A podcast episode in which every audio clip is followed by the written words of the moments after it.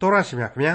ယေရှုခရစ်တော်ကိုမိမိရဲ့ကယ်တင်ပိုင်ရှင်သခင်ဖရာအဖြစ်ယုံကြည်ပေမဲ့လို့ပြောရရင်တော့ခရိယန်တွေဖြစ်ပါလျက်နဲ့မာမာနထောင်လွှားတက်ကြွနေကြတဲ့ခရိယန်တွေထာဝရရှင်မြတ်စွာဘုရားသခင်ရဲ့အလိုတော်ကိုဝန်ခံပါတယ်လို့ပြောကြပေမဲ့လို့ဘုရားရှင်ရဲ့အလိုတော်ကိုနားမလည်ကြတဲ့ခရိယန်တွေအပါအဝင်ဒီကမ္ဘာပေါ်မှာရှိရှိသမျှလူသားတွေအားလုံးကိုဘုရားရှင်ကမေးခွန်းတစ်ခုမေးပါတယ်အဲ့ဒီမေးခွန်းကတော့ ဖယားရှင်ပေးတဲ့လေကိုရှူဖယားရှင်ပေးတဲ့ရေကိုတောက်နေကြပြီမဲ့ဖယားရှင်ကိုကြောခိုင်းနေတတ်ကြတဲ့သူတွေအတွက်ဥနောက်ထဲမှာမိပွင့်သွားသလိုဖြစ်စေမဲ့မိကွန်းတစ်ခုဖြစ်ပါတယ်။အဲ့ဒီမိကွန်းပါဝင်တဲ့ခရိယန်သမာကျမ်းဓမ္မောင်းကျမ်းပိုင်းတွေကယောဘဝတ္ထုအခန်းကြီး38အခန်းကြီး39နဲ့အခန်းကြီး40တို့ကိုဒီကနေ့တင်ပြရတော့ဓမ္မကျမ်းအစီအစဉ်မှာလေ့လာမှာဖြစ်ပါတယ်။ငါဟာလူကောင်းသူကောင်းဖြစ်ပါလျက်နဲ့ ဖျားရှင်ကငါ့ကိုတက်တက်ဒုက္ခပေးတာပဲလို့ခံစားမိတဲ့အချိန်တွေရှိခဲ့ဘူးသူတွေအတွက်ဘာကြောင့်အဲ့ဒီလိုဆင်းရဲဒုက္ခကိုရင်ဆိုင်ကြုံတွေ့ရတယ်လဲဆိုတဲ့အကြောင်းရင်းလဲပါဝင်တဲ့ယောဘဝတ္ထုအခန်းကြီး38အခန်းကြီး39နဲ့အခန်းကြီး40တို့ကိုဒေါက်တာထွန်းမြတ်အေးကအခုလိုသုံးသပ်တင်ပြထားပါတယ်။အံ့ပွေသောအချင်းအရာပါလျက်ဖျားသခင်သည်အသံတော်နှင့်မိုးချုံတော်မူပြီဆိုတဲ့အချိန်ဖြစ်ပါတယ်။ ယောဘတယောက်တည်းပဲကြံရစ်နေခဲ့ရသောအချိန်ကာလကိုကျွန်တော်ရောက်ရှိနေပါပြီအလွန်ချိနဲ့အားပြနေရသူလူတစ်ယောက်ရဲ့ဘုံဘုံလဲပြိုကျသွားတဲ့အချိန်လူရဲ့မာမာနတွေအကုန်လုံးချုပ်ငိမ့်သွားခဲ့ရတဲ့အချိန်ကိုအနန္တတကုရှင်ဘုရားသခင်ဟာစောင့်ဆိုင်နေခဲ့ပါတယ်မေတ္တာတော်အနန္တဆိုတာဟာအဲ့ဒါပါပဲဒါကြောင့်မလို့ဘုရားသခင်နှင့်ယောပါဆိုပြီးတော့ဒီကနေ့သင်ခန်းစာများကိုသီးသန့်ခေါင်းစဉ်တက်ပြီးတော့ကျွန်တော်တင်ပြပါရစေအခုဆိုရင်အေလိဟုတယောက် ကလကာနောက်ကိုတရွေ့ရွေ့အပြောက်မှာတဖောက်ဖောက်စတင်ကြလာတဲ့မိုးဆက်တွေနောက်ကတိမ်တောင်တိမ်လိပ်တွေဟာစင်ကဲပေါ်ထွက်လာခဲ့ပါပြီမိုးသက်မုန်တိုင်းတစ်ခုနဲ့တကွလျှက်စစ်တွေပြိုးပြက်လာခဲ့ပြီဆိုတာကိုနှုတ်ကပတ်တော်ကဖော်ပြထားပါတယ်ရှင်းနေပါတယ်ရင်သိမ့်တုံပွဲသောအချိန်ကာလလို့သတ်မှတ်ပြရစီအဲ့ဒီအချိန်မှာတော့ချိနဲ့အားပြက်လို့မလှုပ်နိုင်အောင်အခြေစိုက်နေတဲ့ယောဘကလွဲလို့ဘသူမှဒီမြင်ကွင်းထဲမှာမရှိတော့ပါဘူးအကုန်လုံးထွက်ခွာသွားခဲ့ပါပြီအဲ့ဒီအချိန်မှာတော့ မုတ်ချသေးကြဘုရားသခင်ပေါ်လာရလိမ့်မယ်။ဘာဖြစ်လဲဆိုတော့ဒီသဘာဝတရားကိုသူပိုင်နေဆိုတာကိုလူသားနားလေစေဖို့သာဖြစ်ပါတယ်။ဘဝရဲ့မှောင်ကွယ်ခြင်းကိုသူစိုးမိုးထားတယ်ဆိုတာကိုယောဘနဲ့တကွလောကသားတို့သိစေဖို့လိုအပ်ပါတယ်။ဒါအပြင်ဒီအချိန်ကာလမျိုးမှာလူသားရဲ့မာမာနတွေအစွဲကြိုးကုန်ပြီမို့သူ့ရဲ့ဂယုဏတရားကိုလူသားတို့ဟာမျှော်လင့်ရယူနိုင်ပြီဖြစ်လို့ပါပဲ။မိษွေတော်တတ်ရှင်အပေါင်းတို့ခမညာ ဒီအပိုင်းမှာနောက်ထပ်စဉ်းစားစရာအချက်တွေပေါ်လာပါတယ်ယောဘရဲ့ပဂရိအခြေအနေအရှိအရှိအတိုင်းတည်နေရသောအခြေအနေကြားမှာသာဖျားသခင်ဟာဆင်းသက်လာခဲ့ပါတယ်ကယ်တင်ရှင်သခင်ခရစ်တော်ရဲ့သက်တော်စဉ်မှာလေတငါသည်လိုလူမျိုးတို့ကိုသူတို့ကျင်လေရာကန္နာမှားသာလျှင်ခရစ်တော်ဟာသူတို့ရဲ့ငညီနန့်တို့နန်းစောနေချိန်မှာတွေ့ဆုံပေးခဲ့ပါတယ်အဲ့ဒီအတိုင်းပါပဲနတ်ဆိုးဆွဲနေသောလူတွေဟာလေသူတို့ရှင်သန်ရာဖုံးစိုးမြေတစားပြင်သင်္ချိုင်းကုန်းလိုအရက်ဒီမှာပဲ မရှုနိုင်မကဲနိုင်ပုံစံမျိုးတွေနဲ့ခရစ်တော်ကိုတွေ့ဆုံခဲ့ရပါတယ်အဲ့ဒီအချက်တွေကိုကျွန်တော်တို့စဉ်းစားလိုက်ရင်ကျွန်တော်ရဲ့အသက်တာများဟာလေကိုဘဝအခြေအနေမှန်များမြေရနံ့တို့သင်ပြန့်ရာအရက်ကြားမှာပဲကဲတင်ချင်းတရားကိုရှာသွားကြရမှာဖြစ်ပါတယ်အဲ့ဒါဟာတစ္ဆာတရားပါပဲအရေးအကြီးဆုံးအချက်ကတော့ရုပ်ပတ်ဝန်းကျင်အခြေအနေတွေရှိကျင်တိုင်းရှိကြပါစေစိတ်ဝိညာဉ်အခြေအနေများဟာသာဘုရားသခင်ဂျေဇုတော်ကိုမျှော်လင့်လျက်နေကြဖို့လိုတယ်ဆိုတဲ့အချက်ပါပဲ အခုစီးရီးယားဂန္ဓာယာလို့ကျွန်တော်ခံမှန်းပြီးတော့ဖော်ပြထားတဲ့နေမြေမှာလွန်ခဲ့တဲ့ကဘာဦးလူအဖွဲ့အစည်းအတွက်အလွန်အလွန်အရေးကြီးတဲ့ဇက်ကောင်ယောဘဟာဖျားသခင်ကိုယင်ဆိုင်ရပါတော့မယ်အဲ့ဒီမြင်ကွင်းအာယုန်တဲကိုမိษွေတို့စူးစိုက်ခန်းစားကြည့်ကြပါစို့လို့ဖိတ်ခေါ်ရင်းနဲ့ယောဘဝတ္ထုအခန်းကြီး30အငယ်1နဲ့2ကိုကျွန်တော်စတင်လိုက်ပါရစေထိုအခါထာဝရဘုရားသည်ယောဘစကားကိုလှန်ပြန်၍မိုးသက်မုန်တိုင်းတဲကမိန့်တော်မူသည်ကား ပညာမရှိဘဲစကားပြောကာများနှင့်ငါအကြံကိုမိုက်စေသောဤသူကအဘယ်သူနည်းဖျားသခင်ဖန်ဆင်းထားတဲ့မြေပေါ်မှာဖျားသခင်ပေးတဲ့လေကိုရှူရှိုက်ဖျားသခင်ပေးထားတဲ့ရေကိုတောက်ပြီးတော့ဖျားသခင်ကိုကြောခိုင်းနေတတ်တဲ့သူတွေပြစ်မှောင်မိုက်ထဲမှာပဲတယုံယုံပျော်ပါပြီးတော့နေကျင်တတ်တဲ့လူတွေမဟာလူသားအယူအဆကိုစွဲကင်ခြင်းလွန်းတဲ့လူတွေဖျားသခင်ကိုမယုံကြည်သူတွေယုံကြည်တယ်ဆိုပေမဲ့လေယုံကြည်ခြင်း၌ပင်မာမာနရှိမိသူတွေ အလိုတော်ကိုဝန်ခံပါတယ်ဆိုပေမဲ့အလိုတော်ကိုနားမလဲလက်မခံတဲ့လူတွေကုံကုံပြောရရင်တော့ဒီလောကလူသားအလုံးတူးချင်းကိုဖျားသခင်မေခွန်းထုတ်လိုက်တာပါပဲဒီမေခွန်းကတော့ယောဘစကားကိုလှန်ပြန်၍မေတော်မေခွန်းဖြစ်ပါတယ်မိုးသက်မုန်တိုင်းတဲကမိန့်တော်မူသည်ကပညာမရှိဘဲစကားပြောကမျှနှင့်ငါအကြံကိုမိုက်စေသောဤသူကအဘယ်သူနည်းဆိုတဲ့မေခွန်းပါအလွန်တရာပြတ်သားလှပါတယ်အတိတ်ပဲနှစ်ခွမရှိတဲ့မေခွန်းဖြစ်ပါတယ် အဲ့ဒီမေခွန်းဟာလူသားဆိုတဲ့အပြစ်ဝိယုံအောက်ကငမိုက်သားတိုင်းတို့အတွေ့အုံနောက်ထဲမှာမီးပွင့်သွားတယ်လို့ဖြစ်စေတဲ့မေခွန်းလို့ကျွန်တော်ဆိုလိုက်ပါရစေယောဘဝတ္ထုအခန်းကြီး38အငယ်3နဲ့4လူယောက်ျားကဲ့သို့သင့်ခါကိုစီးလော့ငါမေးမြန်းသောပြဿနာတို့ကိုဖြေလော့မြေကြီးအမြစ်ကိုငါတီးသောအခါသင်သည်အဘယ်မှရှိသနည်းနားလေလျင်ဖော်ပြလော့မိษွေတော်တတ်ရှင်အပေါင်းတို့ခမညာဒီမေခွန်းကြီးဟာလူသားတိုင်းနဲ့သက်ဆိုင်တယ်လို့ ကျွန်တော်စောစောကဖော်ပြခဲ့ပါတယ်ဒါဟာရေပုံရသဘောကိုပြောတာပါအထူးသဖြင့်ကတော့ evolution လို့ခေါ်တဲ့တရွေ့ရွေ့ဖြစ်စဉ်အတိုင်းဖြည်းဖြည်းချင်းမြောက်ကနေလူဖြစ်တယ်ဘုံငနဲ့ဘုံငနဲ့ပောက်ကွဲတဲ့နီးလို့ခေါ်တဲ့ big bang ခေါ်ဆက်တောက်ဆက်တောက်နဲ့အားလက်ချိန်နှစ်ပေါင်းသန်းပေါင်းများစွာခြားပြီးမှမွေးရှည်သရဝါကြီးတွေကနေတဆင့်လူဖြစ်တယ်ပင်လေရေမော်တွေကနေလူဖြစ်တယ်ဆိုတဲ့သိပ္ပံပညာရှင်ဒေါက်တာထွင်တို့ရဲ့ဓာတ်ခွဲခန်းတိုင်းအတွက် ပို့ပြီးတော့သက်ဆိုင်ပါကြောင်းတင်ပြလိုက်ပါရစေအခုဘုရားသခင်ရဲ့ဗျာဒိတ်တော်သံဟာလက်ညှိုးငေါငေါထိုးပြီးတော့တူးချင်းကိုမေးနေပါပြီ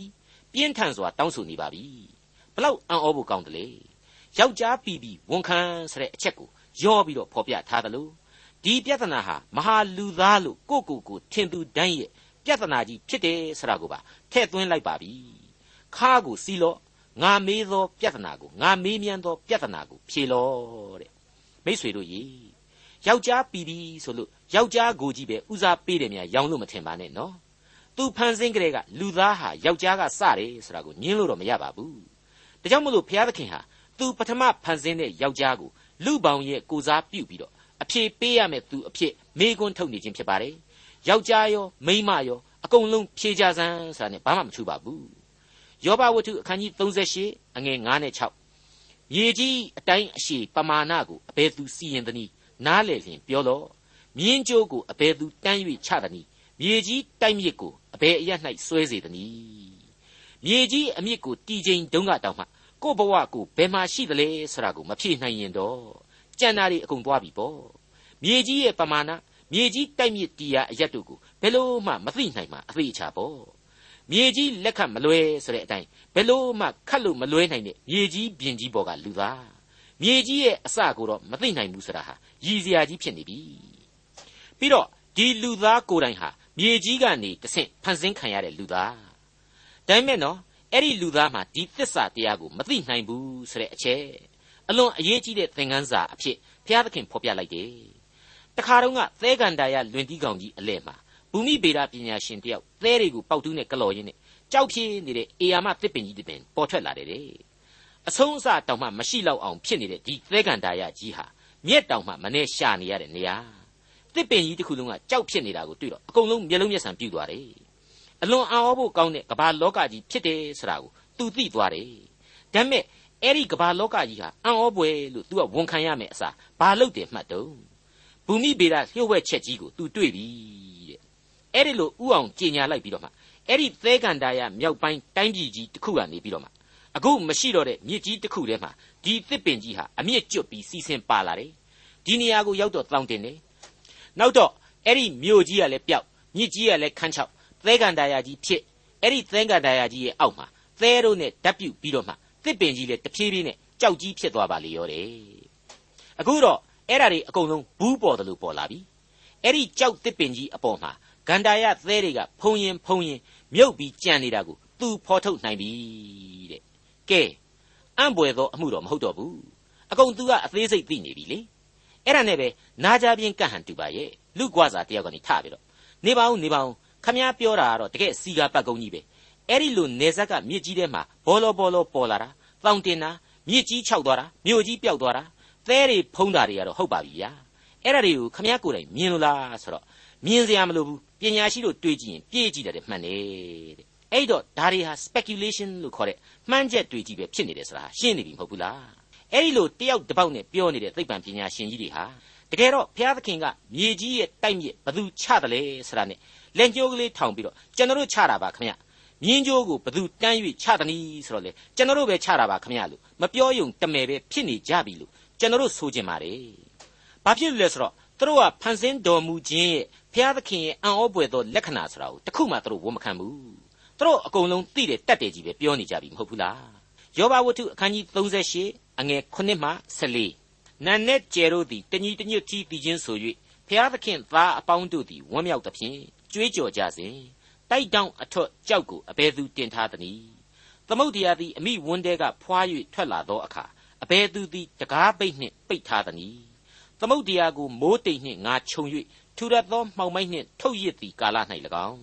သင်သည်ဤရက်တိုင်အောင် လာရ၏တိုး၍မလွန်ရ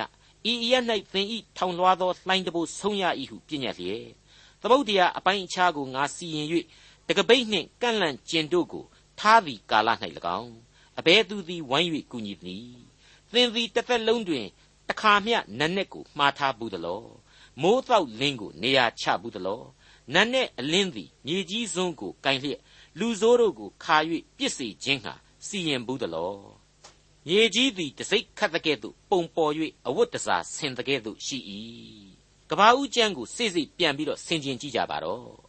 လူသားရဲ့လို့မဖန်ဆင်းမိကြတဲ့ကမတွက်ဆနိုင်တဲ့ဂျားကာလရှည်ကြီးဟာအနန္တကာလအဖြစ်တည်ခြင်းတည်ခဲ့လိမ့်မယ်လို့ကျွန်တော်ဖော်ပြခဲ့ပြီးပါပြီအတိုင်းအဆမရှိတဲ့တိဆောက်ခြင်းကိုဖျားသခင်အမိန့်တော်နဲ့လုပ်ခဲ့တယ် လုပ်ခဲ့လိမ့်မယ်လို့တွက်ဆနိုင်တဲ့အကြောင်းကိုလေကျွန်တော်ဆိုခဲ့ပါတယ်အခုအချိန်မှာတော့နတ်နဲ့ကျယ်တို့ဟာဖျားသခင်ဤသားတို့နဲ့အတူဝမ်းမြောက်စွာတည်ခြင်းဆိုကြတယ်ဆိုတာကိုဖျားသခင်ဖော်ပြလိုက်တယ်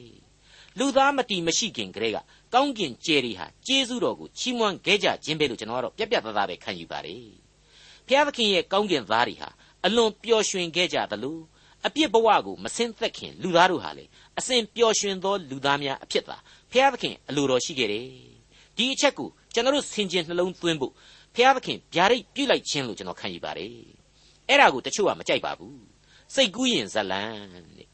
ဖျားသခင်ကလူသားကိုသူသိစေချင်တာကိုဖော်ပြဖို့အလွန်ရှေးကြတဲ့လူသားတဦးရဲ့ကလောင်ကိုသုံးပြီးတော့ဒီဝတ္ထုကြီးကိုဆိုဖွဲ့စေခဲ့ခြင်းဖြစ်တယ်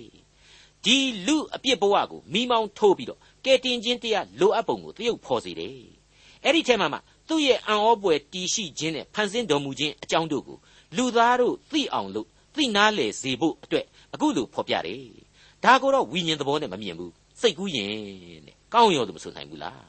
စောစောတုန်းကပြောခဲ့တဲ့သိပ္ပံဆရာကြီးတွေလို့ပုဂ္ဂိုလ်ကြီးတွေကလူဆိုတာဟာမြောက်ကလာတာတို့ရေမော်လိုချွဲကြီးကြီးတစ်ပင်မျိုးကနေအသက်ဝင်ပြီးဖြစ်လာတာတို့ဆိုတာမျိုးတွေကြတော့စိတ်ကူးရင်မဟုတ်ကြတော့ဘူးတဲ့လက်သိပ္ပံနီးကြတယ်တဲ့အံ့ဩလို့ကိုမကုန်နိုင်ဘူးနော် တမန်တော်ကြီးရှင်ပေါလုယောမဩဝါဒစာအခန်းကြီး1အငယ်20ကနေ23ကိုရေးခဲ့တာတွေကိုပြန်ကြည့်တော့အခုလိုတွေ့ရပါတယ်ယောမဩဝါဒစာအခန်းကြီး1အငယ်20မှ23အဘယ်သို့နည်းဟုမူကားဖန်ဆင်းတော်မူသောအရာများကိုထောက်ရှုသဖြင့်ထာဝရတကိုးတော်နှင့်ထာဝရအဖြစ်တော်ဒီဟုသောမျက်မြင်မရသောဘုရားသခင်အရာတို့သည်ကဘာတီသည်ကာလမှစ၍ထင်ရှားလျက်ရှိကြ၏ထို့ကြောင့်သူတို့သည်ကိုယ်အပြစ်ကိုမဖုံးနိုင်ရာ အကြောင်းမူကားထိုသူတို့သည်ဘုရားသခင်ကိုသိလျက်ပင်ဘုရားသခင်ကိုချီးမွမ်းသင့်သည့်အတိုင်းမချီးမွမ်းကျေးဇူးတော်ကိုလည်းမသိမမှတ်အချီးနှီးတွေးဆခြင်းသတိမရှိသောစိတ်နှလုံးမိုက်မဲခြင်းသို့ရောက်ကြ၏ပညာရှိအောင်ဆောင်လျက်နှင့်လူမိုက်အရာ၌တည်ကြသည်ဖြစ်၍မဖောက်ပြန်မပျက်စီးနိုင်သောဘုရားသခင်၏ဂုဏ်တော်ကိုပယ်လျက်ဖောက်ပြန်ပျက်စီးတတ်သောလူ၏ယုတ်ထုသားငှက်အစရှိသောတွားရသောတိရစ္ဆာန်တို့၏ယုတ်တုတို့ကိုဘုရားသခင်အရာ၌ချီးမြှောက်ကြ၏ သက်မဲ့လောကကဘုရားသခင်ကိုချီးမွမ်းတည်ခြင်းဆိုတဲ့သက်ရှိလောကရဲ့အထွတ်အထိပ်ဥဆောင်လူသားလို့ခေါ်နိုင်တဲ့ထိတ်တန်းတတ္တဝါကြီးလူသားတို့ကတော့ကျေးဇူးကမ်းတယ်ဆိုတဲ့အတိတ်ပဲပဲလူတိုင်းဟုတ်သလားဆိုရင်တော့လူတိုင်းတော့မဟုတ်ပါဘူးသမိုင်းအဆက်ဆက်မှာကျေးဇူးတော်ကိုသေသေးချာချာနားလေတဲ့လူတွေအများကြီးရှိခဲ့ပါတယ်အဲ့ဒီအထဲမှာမှဒါဝိဒ်မင်းကြီးကဘယ်လိုဆိုဖွဲ့ခဲ့သေးတယ်ဆိုတာကိုသူ့ရဲ့148ခုမြောက်သောဆာလံအားဖြင့်ကျွန်တော်တက်တည်ပြခြင်းပါတယ် 148ခုမြောက်သောဆာလံအငယ်1မှ6ကောင်းကင်ဘုံ၌ထာဝရဘုရားကိုချီးမွမ်းကြလော့ဘဝက်ပေါ်မှာချီးမွမ်းကြလော့ကောင်းကင်တမန်အပေါင်းတို့ထာဝရဘုရားကိုချီးမွမ်းကြလော့ကောင်းကင်ဘိုးကြီးအပေါင်းတို့ချီးမွမ်းကြလော့နေလာတို့ထာဝရဘုရားကိုချီးမွမ်းကြလော့ထွန်းလင်းသောကြယ်အပေါင်းတို့ချီးမွမ်းကြလော့ကောင်းကင်အထက်ထက်နှင့်ကောင်းကင်ဘောမှရေများတို့ချီးမွမ်းကြလော့ထိုအရာတို့ကိုအမိန့်တော်ရှိ၍ဖန်ဆင်းတော်မူသောကြောင့် ထာဝရဘုရား၏နာမတော်ကိုချီးမွမ်းကြစေထိုအရာတို့ကိုကာလအစဉ်အဆက်အမြဲတည်စေတော်မူ၍မပြည့်ရသောဓမ္မတာကိုစီရင်တော်မူ၏မိษွေအပေါင်းတို့ခမညာလူသားအချင်းချင်းကိုသာလှည့်ပတ်ပြီးတော့ချီးမွမ်းနေကြတာတဲ့အနန္တတကုရှင်ဘုရားသခင်ရဲ့ပြုတော်မူသောကျေးဇူးတော်များကိုသာသာဝစဉ်ဆင်ခြင်နှလုံးသွင်းနိုင်ကြပါစေလို့ဆုတောင်းမေတ္တာပို့သလိုက်ပါတယ်ယောဘဝတ္ထုအခန်းကြီး38အငယ်22နဲ့23သင်သည် မိုးပွင့်ဗန္တာတိုက်သေးသို့ဝင်ဘူးသလောဘေးရောက်ရာကာလနှင့်စစ်ပြန်၍တိုက်ရာအချိန်ကာလဖို့ငါသိုထားသောမိုးသီးဗန္တာများကိုမြင်ဘူးသလောဒီနေရာမှာမိုးသီးဟာအင်္ဂလိပ်ကျမ်းများအရနှင်းများ snow ဆိုပြီးတော့ဆိုဖွဲ့ထားတာတွေ့ရပါတယ်အငတ်ဘေးကြာရောက်တဲ့အချိန်မှာမိုးပွင့်များသို့မဟုတ်စီးနှင်းများကြားကနေတဆင့်မန္နမုံကိုချထားပေးခဲ့တယ်ဆိုတာကိုကျွန်တော်တို့မောရှိခေတ်မှာကြားနာခဲ့ရပါပြီမြင်ခဲ့ရပါပြီ ဒါကိုထွတ်မြောက်ဝါကျမ်းအခန်းကြီး16အငယ်14နဲ့15မှာပြန်ကြည့်ပါနှင်းတက်ပြီးသောအခါနှင်းကဲကဲ့သို့သေးသေးလုံးလုံးအရာသည်မြေမျက်နှာပြင်ပေါ်မှရှိရလေ၏ထိုအရာကိုဣသရေလအမျိုးသားတို့သည်မြင်သောအခါအဘယ်အရာနည်းဟုမသိသောကြောင့်တယောက်ကိုတယောက်မေးကြ၏မောရှေကလည်းဤအရာသည်သင်တို့စားเสียဖို့ထာဝရဘုရားပေးသနာတော်မူသောမုံဖြစ်၏အဲ့ဒီလိုတွေ့ကြရပါတယ်ဘာပဲပြောပြောဒီနှင်းတွေဒီမိုးသီးတွေဟာပဲဘု ရားသခင်ကအမိန့်ပေးလိုက်ပြန်တဲ့အချိန်မှကြတော့အလွန်တရာကြီးမားတဲ့စစ်လက်နဲ့ကြီးတွေလို့ပြောင်းလဲသွားနိုင်တယ်ဆိုတာကိုဖော်ပြလိုက်ပါတယ်ဗျာဒိတ်ကျမ်းအခန်းကြီး၈အငယ်9မှာယခုမြေကြီးကိုတရားစီရင်ချိန်မှာမိုးသီးများကိုသုံးမည်ဆိုတဲ့အချက်ကိုအခုလိုဖော်ပြထားတာတွေ့နိုင်ပါတယ်ပထမသူသည်တဘိုးမှုတ်သောအခါမိုးသီးဖြစ်၏အသွေးနှင့်ရောနှောသောမီးလည်းဖြစ်၏ဆိုပြီးတော့တွေ့ထားရပါတယ်အဲ့ဒီမိုးသီးနဲ့အဲ့ဒီမီးနဲ့ပဲ အတိတ်သမိုင်းမှာဘုရားသခင်ဘာတွေစီရင်ခဲ့တယ်ဆိုတာကိုရောမှတ်မိကြပါစားထွမြောက်ရာကျမ်းတဲ့ကအေယာမအဲဂုတ်ထုနိုင်ငံကြီးကိုမိုးသီးတွေမီးပွင့်တွေနဲ့ဘယ်လိုဒုက္ခပေးခဲ့တယ်ဆိုတာကိုထွမြောက်ရာကျမ်းအခန်းကြီး9အငယ်22ကနေပြီးတော့26အတွင်းမှာပြန်ပြီးတော့ကြည့်ကြပါဟာဝဲရဖះကလည်းအဲဂုတ်ထုပြည်လျှောက်လုံးမှာလူတို့အပေါ်မှာ၎င်းတိရစ္ဆာန်တို့အပေါ်မှာ၎င်းလေပြင်း၌ရှိလေသမျှသောအပင်များအပေါ်မှာ၎င်းမိုးသည်ရွာစေခြင်းဟာ သင်၏လက်ကိုမိုးကောင်းကင်သို့ဆန့်လော့ဟုမောရှေအားမိန့်တော်မူ၏မောရှေသည်မိမိလှံတံကိုမိုးကောင်းကင်သို့ဆန့်၍ထာဝရဘုရားသည်မိုးကြိုးနှင့်မိုးသီးကိုလွတ်တော်မူ၏မိသည်လည်းမြေပေါ်မှပြေးလေ၏ထို့သောထာဝရဘုရားသည်အေဂုတ်ထုပြည်၌မိုးသီးရွာစေတော်မူသဖြင့်အေဂုတ်ထုပြည်တည်ထောင်သည့်ကာလမှစ၍တခါမျှမဖြစ်ဖူးသောမိုးသည်မိနှင့်ရော၍အလွန်ပြင်းထန်သောမိုးသည်ဖြစ်လေ၏ အဲဂုတ်ထုပြည်တလျှောက်လုံး၌လေပြင်းမှရှိသမျှသောလူနှင့်တိရစ္ဆာန်များမြက်ပင်များသစ်ပင်များတို့ကိုမိုးသည်ထိလေ၏တို့ရတွင်ဣသရေလအမျိုးသားနေရာဂောရှင်ပြည်၌မိုးသည်မကြမရွာတဲ့ဘလောက်အံ့ဩဖို့ကောင်းလေမိษွေအပေါင်းတို့ယောဘဝတ္ထုနေရာအနှံ့အပြားမှာကျွန်တော်အထက်ထပ်ဆိုခဲ့ပြီးပါပြီမဟာသမုဒ္ဒရာ၌ပင်အနာသက်ကန်းဆက်ရှိသေး၏လို့လူသားပြောနိုင်လိမ့်မယ်ဒါပေမဲ့ဖျားသခင်ရဲ့ဘုံတကူတော်နဲ့ ဖျားသခင်ရဲ့အလိုတော်ဆရာဟာဘယ်တော့မှအနာသက်ကန်းဆက်မရှိနိုင်ပါဘူးယောဘဝတ္ထုအခန်းကြီး38အငယ်24မှ33အလင်းသည်အဘယ်သို့သောလမ်းဖြင့်နှံ့ပြားသနည်းအရှိလေသည်မြေကြီးပေါ်မှအဘယ်ကြောင့်လွင့်သနည်းလူမရှိသောမြေနှင့်လူမနေသောတော၌မိုးရွာစေခြင်းဟာ၎င်းလွတ်လပ်သောလွင်ပြင်ကိုရေနှင့်ဝစေ၍နှုသောမြက်ပင်အညှောက်ကိုထွက်စေခြင်းဟာ၎င်းလျှံသောမိုးရေစီးရလံ မိုးကြိုးနှင့်ဆိုင်သောလျှက်စစ်ပြည့်ရလန်းကိုအဘယ်သူဖွင့်သနည်းမိုးရေဤအဖကအဘယ်သူနည်းနှင်းပေါက်တို့ကိုအဘယ်သူဖြစ်ပွားစေသနည်းရေခဲသည်အဘယ်သူဤဝန်းတဲကထွက်လာသနည်းမိုးကောင်းကင်နှင့်နှင်းခဲကိုအဘယ်သူသည်ပြိတ္တိပေးသနည်းရေသည်ကြောက်ခဲကဲ့သို့ဖြစ်၍ပင်လယ်မျက်နှာတက်မှလျက်ရှိ၏သင်သည်ခိမကျဲစုဤသာယာစွာပြုပြင်ခြင်းကိုချုပ်တီးနိုင်သလောကတိလကျဲဤချီနှောင်ခြင်းကိုဖြီးနိုင်သလော မာစရုပ်ကျဲတို့ကိုအချိန်ရောက်လျင်ထုတ်ဖော်နိုင်သလောအာရှကျဲနှင့်သူ၏သားတို့ကိုပဲ့ပြင်နိုင်သလောမိုးကောင်းခြင်းတရားတို့ကိုနားလေသလောထိုတရားတို့သည်မြေကြီးကိုအုပ်ဆိုးမိအကြောင်းအခွင့်ပေးနိုင်သလောမိษွေတော်တတ်ရှင်အပေါင်းတို့ခမညာအခုဖော်ပြခဲ့တဲ့အချက်တွေထဲမှာမိုးရေဤအဖနှင်းပေါက်ကိုဖြစ်စေသူဆိုတဲ့အချက်တွေကိုစိတ်စိတ်စဉ်းစားရင်းနဲ့ကျွန်တော်တို့စိမ့်စိမ့်မျှတော့ခန်းစားသွားကြရလိမ့်မယ်လို့ကျွန်တော်တွေးမိပါတယ် ဒီမြေတယံဇာတတွေကိုလူအုံနောက်ဟာအသုံးပြုပြီးတော့စัจ java လာကိုစ조사ရှာဖွေနိုင်ပါတယ်လူပေါင်းလောကမှာသက်တောင့်သက်သာဖြစ်အောင်လို့တွေလူသားတွေအစဉ်ပြေစွာနေထိုင်စားသောက်နိုင်မှုတွေအတွေ့တီထွင်ထုတ်လုပ်နိုင်ကြပါတယ်အလွန်ကောင်းမြတ်တဲ့အလုပ်တွေအဖြစ်လေကျွန်တော်မြင်ကြရပါတယ် ဒီအကျိုးကျေးဇူးတွေကိုလည်းကျွန်တော်တို့လူသားများအားလုံးခံစားနေကြရပါတယ်ဒါပေမဲ့ငတလောက်ဥကလေးတစ်ဆန်အိမ်မြောင်ဥကလေးတစ်လုံးပိုးလောက်လန်ကလေးတစ်ကောင် ပန်းဝတ်မှုံကလေးတစ်ခုတို့သည်ပင်ဖြင့်ဘုရားသခင်ဤလက်တော်မှဖြစ်ခဲ့တယ်ဆိုတဲ့အသည့်နဲ့ကျေးဇူးတော်ကိုတော့ကျွန်တော်တို့ဘယ်တော့မှမေ့ချန်ထားဖို့မဖြစ်နိုင်ပါဘူးမေ့ချန်ထားဖို့မသင့်ပါဘူးဖန်ဆင်းတော်မူခြင်းကိုနားလေတာနဲ့အမျှဘုရားသခင်ရဲ့ကြီးမြတ်တော်မူခြင်းအကြောင်းကိုကျွန်တော်တို့သိနားလေနိုင်ပါတယ်ဘုရားသခင်ရဲ့ကြီးမြတ်တော်မူခြင်းကိုသိနားလေတာနဲ့အမျှကျေးဇူးတော်ကိုချီးမွမ်းပြီးတော့နှိမ်ချသောစိတ်ထားနဲ့ကိုးကွယ်ဝတ်ပြုကြရမှာလည်းဖြစ်ပါတယ်အခုအချိန်မှာတော့ ကျွန်တော်ယောဘဝတ္ထုအခန်းကြီး39ကိုဆက်လက်လေ့လာသွားကြရပါလိမ့်မယ်ခတ်တူလိုပဲဒီအခန်းကိုကြော်လွှားခြင်းတဲ့အတွက်ကြောင့်ဏိဒန်းအငယ်1ကိုသာနားဆွင့်ထောင်ကြည့်ကြပါယောဘဝတ္ထုအခန်းကြီး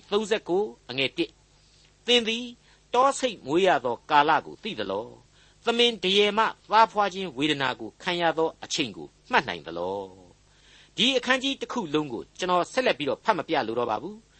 ဒီကနေ့ကျွန်တော်တို့လူသားများအလွန်တန်ဖိုးထားနေတဲ့ သဘာဝပတ်ဝန်းကျင်နဲ့တတ္တလောကအပေါ်မှာဘုရားသခင်ဘလောက်အထိအသေးစိတ်ပြုစုတယ်တန်ဖိုးထားတယ်ထိမ့်ချုပ်ထားတယ်ဆိုတာတွေကိုဖော်ပြထားပါတယ်မိษွေတို့အဖို့အလွန်ရသမြောက်စွာနဲ့ဖတ်ရှုနိုင်ပါပါကိုယ့်ဘာသာကိုဖတ်ရှုပြီးတော့ကျေးဇူးတော်ကိုချီးမွမ်းရည်တွက်နိုင်ကြပါစေလို့ကျွန်တော်တို့မေတ္တာပို့ဆုတောင်းပေးလိုက်ပါတယ်ဆက်လက်တင်ပြဖို့ကတော့ယောဘဝတ္ထုအခန်းကြီး40ဖြစ်ပါတယ်အငယ်1မှ9အထိကိုဖတ်ရှုကြည့်ကြပါစို့တဖန်ထာဝရဘုရားက အနန္တတကုရှင်ကိုဆုံးမသောသူသည်ဆန့်ကျင်ဘက်ပြုအောင်မည်လောဘုရားသခင်ကိုအပြစ်တင်သောသူသည်ပြန်ပြောစေတော့ဟုယောဘအားမိန့်တော်မူလျင်ယောဘကအကျွန်ုပ်သည်ဆိုးရုပ်ပါ၏ကိုတော်အားအဘယ်သို့ပြန်လျှောက်ရပါမည်နည်းအကျွန်ုပ်သည်ကိုနှုတ်ကိုကိုလက်နှင့်ပိတ်ပါမည်တစ်ကြိမ်ပြောမိပါပြီတဖန်မပြောဝွန့်ပါနှစ်ကြိမ်တိုင်အောင်ပြောမိပါပြီတို့ရတွင်ထိုက်၍မပြောဝွန့်ပါဟုထာဝရဘုရားအားပြန်၍လျှောက်လေ၏ တဖန်ဆိုတဲ့အင်္ဂလိပ်စကားဟာ moreover ဆိုပြီးတော့စတင်ထားတာတွေ့ရပါတယ်။နေ့အဖြစ်ဘုရားသခင်ဟာယောဘကိုတကြော့ပြီးတကြော့ပြန်ပြီးတော့ဒီမေးခွန်းတွေဆင်ကဲထုတ်နေတဲ့သဘောပါ။ယုံကြည်ခြင်းမာနအားဖြင့်ငါတော့လူကောင်းသူကောင်းဖြစ်ပါရဲ့နဲ့ဘုရားသခင်ကတက်တက်ဒုက္ခပေးတာပဲဆိုပြီးတော့ဘုရားသခင်အပေါ်မှာပြစ်မှားမိသူယောဘကိုသူ့ရဲ့ဖန်ဆင်းတော်မူခြင်းသူ့ရဲ့ပိုင်သအုပ်စိုးတော်မူခြင်းအကြောင်းတွေကိုဖော်ပြပြီးတဲ့နောက်မှာမှာကဲ မင်းဟာငါရဲ့ဘုံတော်အနန္တတွေကိုမေ့နေတော့ငါကျေးဇူးတော်ကိုမင်းဟာဆက်လက်ဆန့်ကျင်နေတာပဲမောင်ရောပါမင်းဘာများပြောเสียရှိသေးသလဲဆိုပြီးတော့မေးလိုက်တာ ਨੇ အတူတူပါပဲအဲ့ဒီအချိန်မှာယောဘပြန်ဖြေလိုက်တာတွေဟာအလွန်ကောင်းမွန်လှပါတယ်ကျွန်တော်ဟာဆိုးရုပ်သူလူသားတစ်ယောက်ပါဘယ်လိုပြန်ပြီးတော့တောင်းပန်ရပါမလဲသခင်အချိန်ချင်းမှားယွင်းခဲ့ခြင်းအပြစ်တွေအတွက်တောင်းပန်ပါရစေနောက်တဖန်ကျွန်တော်မပြုတ်ဝွန့်ပါပြီဆိုတဲ့အဖြေပါပဲဟုတ်ပါတယ် အတိတ်ကလို့စွာကျဲစွာကျဲတစ်ချက်မှမလုပ်နိုင်တော့ပါဘူးဝတ်သွားရပါပြီမိษွေအပေါင်းတို့ရေဘုရားသခင်ကကိုယ့်ကိုမြင်တဲ့အတိုင်းမမှီနိုင်ရင်တောင်းမှနည်းနည်းကလေးကြိုးစားပြီးတော့မြင်အောင်ကြည့်တတ်ကြမယ်ဆိုရင်တော့ကျွန်တော်လူသားဟာကိုယ့်ဖာသာကိုဘယ်လို့မှမယက်တည်နိုင်တဲ့လူသားတွေဆိုတာကိုသိလာကြရမှာဧကန်အမှန်ပါပဲအဲ့ဒီလိုအမြင်မျိုးကိုယောဘမြင်နိုင်စွမ်းမရှိခဲ့ပါဘူးအခုအချိန်မှတော့ဘုရားသခင်ရဲ့ဗျာဒိတ်ဖော်ပြချက်တွေဟာသူ့ကိုယ်ကိုသူ သိနာလေစေခဲ့ပြီသူ့ကိုယ်ကိုသူပြန်ပြီးတော့မြင်စေခဲ့ပြီလို့ကျွန်တော်ဆိုချင်ပါတယ်ယောဘဝတ္ထုအခန်းကြီး40အငယ်6မှ14တဖန်ထာဝရဘုရားသည်မိုးသက်မုန်တိုင်းတဲကယောဘအားမိန့်တော်မူသည်ကားလူယောက်ျားကဲ့သို့သင်ခါကိုစီးလော့ငါမေးမြန်းသောပြဿနာတို့ကိုဖြေလော့သင်သည်ငါတရားစီရင်ချက်ကိုပယ်မည်လောသင်သည်ကိုယ်တိုင်ဖြောင့်မတ်ဟန်ရှိစေခြင်းဟာငါကိုအပြစ်ရှိသည်ဟုစီရင်မည်လော သင်သည်ဘုရားသခင်၏လက်ယုံကဲ့သို့သောလက်ယုံရှိသလောဘုရားသခင်၏အသံကဲ့သို့သောအသံနှင့်မိုးချုံနိုင်သလောထူးဆန်းသောဘုံတကုအာနုဘော်ကိုဝတ်ဆောင်လော့တင့်တယ်သောဂုံအသရေနှင့်တစားဆင်လော့သင်၏အမျက်အရှိန်ကိုလွှတ်လော့မာနထောင်လွှားသောသူအပေါင်းတို့ကိုကြည့်ရှု၍နှိမ့်ချလော့မာနထောင်လွှားသောသူအပေါင်းတို့ကိုကြည့်ရှု၍ရှုံချလော့အတ္တမလူတို့ကိုနှိမ်နှင်း၍သူတို့ကိုမြေမှုန့်၌တစုတည်းဖွက်ထားလော့သူတို့မျက်နှာများကိုမှောင်မိုက်၌ဖုံးအုပ်လော့ တို့ပြုလျင်သင်ဤလက်ရလက်ယုံသည်သင်ကိုကဲတင်နိုင်သည်ဟုငါဝန်ခံမည်အခုဖတ်ရှုခဲ့တဲ့အချက်ထဲကအငယ်30မှာထူးဆန်းသောဘုံတကူအာနုဘော်တော်ကိုဝတ်ဆောင်လော့တင့်တယ်သောဂုံအသရေနှင့်တစားဆင်လော့ဆိုတဲ့အချက်တွေဟာယောဘတယောက်အဖို့နောင်တနဲ့ကြိုးပဲ့ကြေမွခြင်းရဲ့နောက်မှာဘုရားသခင်ရဲ့ကောင်းကြီးမင်္ဂလာတွေကိုစတင်ခံစားရပြီဆိုတဲ့အချက်ကိုသိသာစေပါတယ်ဒီအပိုင်းကလေးအဖြစ်ရှင်လုကာခရစ်ဝင်ကျမ်းအခန်းကြီး15ထဲက ပျောက်သောသားကိုသူ့ဖခင်ကြီးပြောခဲ့တဲ့စကားသံများဟာပြန်ပြီးတော့အမှတ်ရစရာပဲဖြစ်ပါတယ်အဲ့ဒီရှင်လုကာခရစ်ဝင်ကျမ်းအခန်းကြီး15အငယ်22မှာတွေ့ရတာကတော့အဖကမြတ်သောဝတ်လုံကိုယူခဲ့၍သူ့ကိုခြုံကြသူ၏လက်၌လက်စွပ်တစားကိုဆင်ကြဆိုတဲ့အသံနဲ့အနှစ်သာရချင်းအတူတူပါပဲမိษွေတော်တတ်ရှင်အပေါင်းတို့ခမညာယောဘဝတ္ထုဟာပြီးဆုံးကန်နေပါပြီဒါပေမဲ့ဘယ်တော့မှပြီးဆုံးမှာမဟုတ်တဲ့ဘဝသင်ခန်းစာများကိုတော့ ယောဘဝတ္ထုအဖြစ်မိษွေတို့ကျွန်တော်တို့ဟာရယူနိုင်ကြမှာဧကန်အမှန်ဖြစ်ပါတယ်အထူးသဖြင့်လူဆိုသောတတ္တဝါဟာအသက်ရှင်တော်မူသောအနန္တတကုရှင်ဘုရားသခင်ရဲ့စီရင်တော်မူခြင်းအမျိုးမျိုးအောက်မှာသာလျှင်ရှင်သန်ရစမြဲဖြစ်တယ်သူပေးတဲ့အသက်နဲ့သူကျွေးတဲ့အစာကိုစားတော့ပြီးမှသူ့ကိုဂလန်ကဆန်လှုပ်တတ်သောအမျိုးလည်းဖြစ်တယ်ဒီအချက်ကိုလူသားတို့ဟာနားလည်ပြီးတဲ့နောက်သူ့ကိုနောင်တနှလုံးသားကျိုးပဲ့ကြေမွာသောစိတ်အစဉ်တို့နဲ့ ထာဝစဉ်ကိုးကွယ်ကြရလိမ့်မယ်ယုံကြည်ကြရလိမ့်မယ်အဲ့ဒီလိုသာဆိုရင်ဖြင့်သူဟာလည်းအပြစ်လူပောင်ရဲ့နောင်တနဲ့ယုံကြည်ခြင်းအပေါ်မှာမူတည်ပြီးတဲ့နောက်ထာဝရသစ္စာရှင်အဖြစ်ဆက်လက်ပြုစုစောင့်ရှောက်သွားမှာသာဖြစ်တယ်ဆိုတာကိုယောဘဝတ္ထုအားဖြင့်သိသာစွာတွေ့မြင်နေရပါကြောင်းတင်ပြလိုက်ပါရစေဒေါက်တာထွန်းမြတ်ရေးစီစဉ်တင်ဆက်တဲ့တင်ပြတော်တမချန်းအစီအစဉ်ဖြစ်ပါတယ်နောက်တစ်ချိန်အစီအစဉ်မှာခရိယန်တမချန်းဓမ္မဟောင်းကျမ်းပိုင်းတွေက ယောဘဝတ္ထုအခန်းကြီး41နဲ့ယောဘဝတ္ထုရဲ့နောက်ဆုံးအခန်းကြီးဖြစ်တဲ့အခန်းကြီး42တို့ကိုလေ့လာမှဖြစ်တဲ့အတွက်စောင့်မျှော်နားဆင်နိုင်ပါတယ်။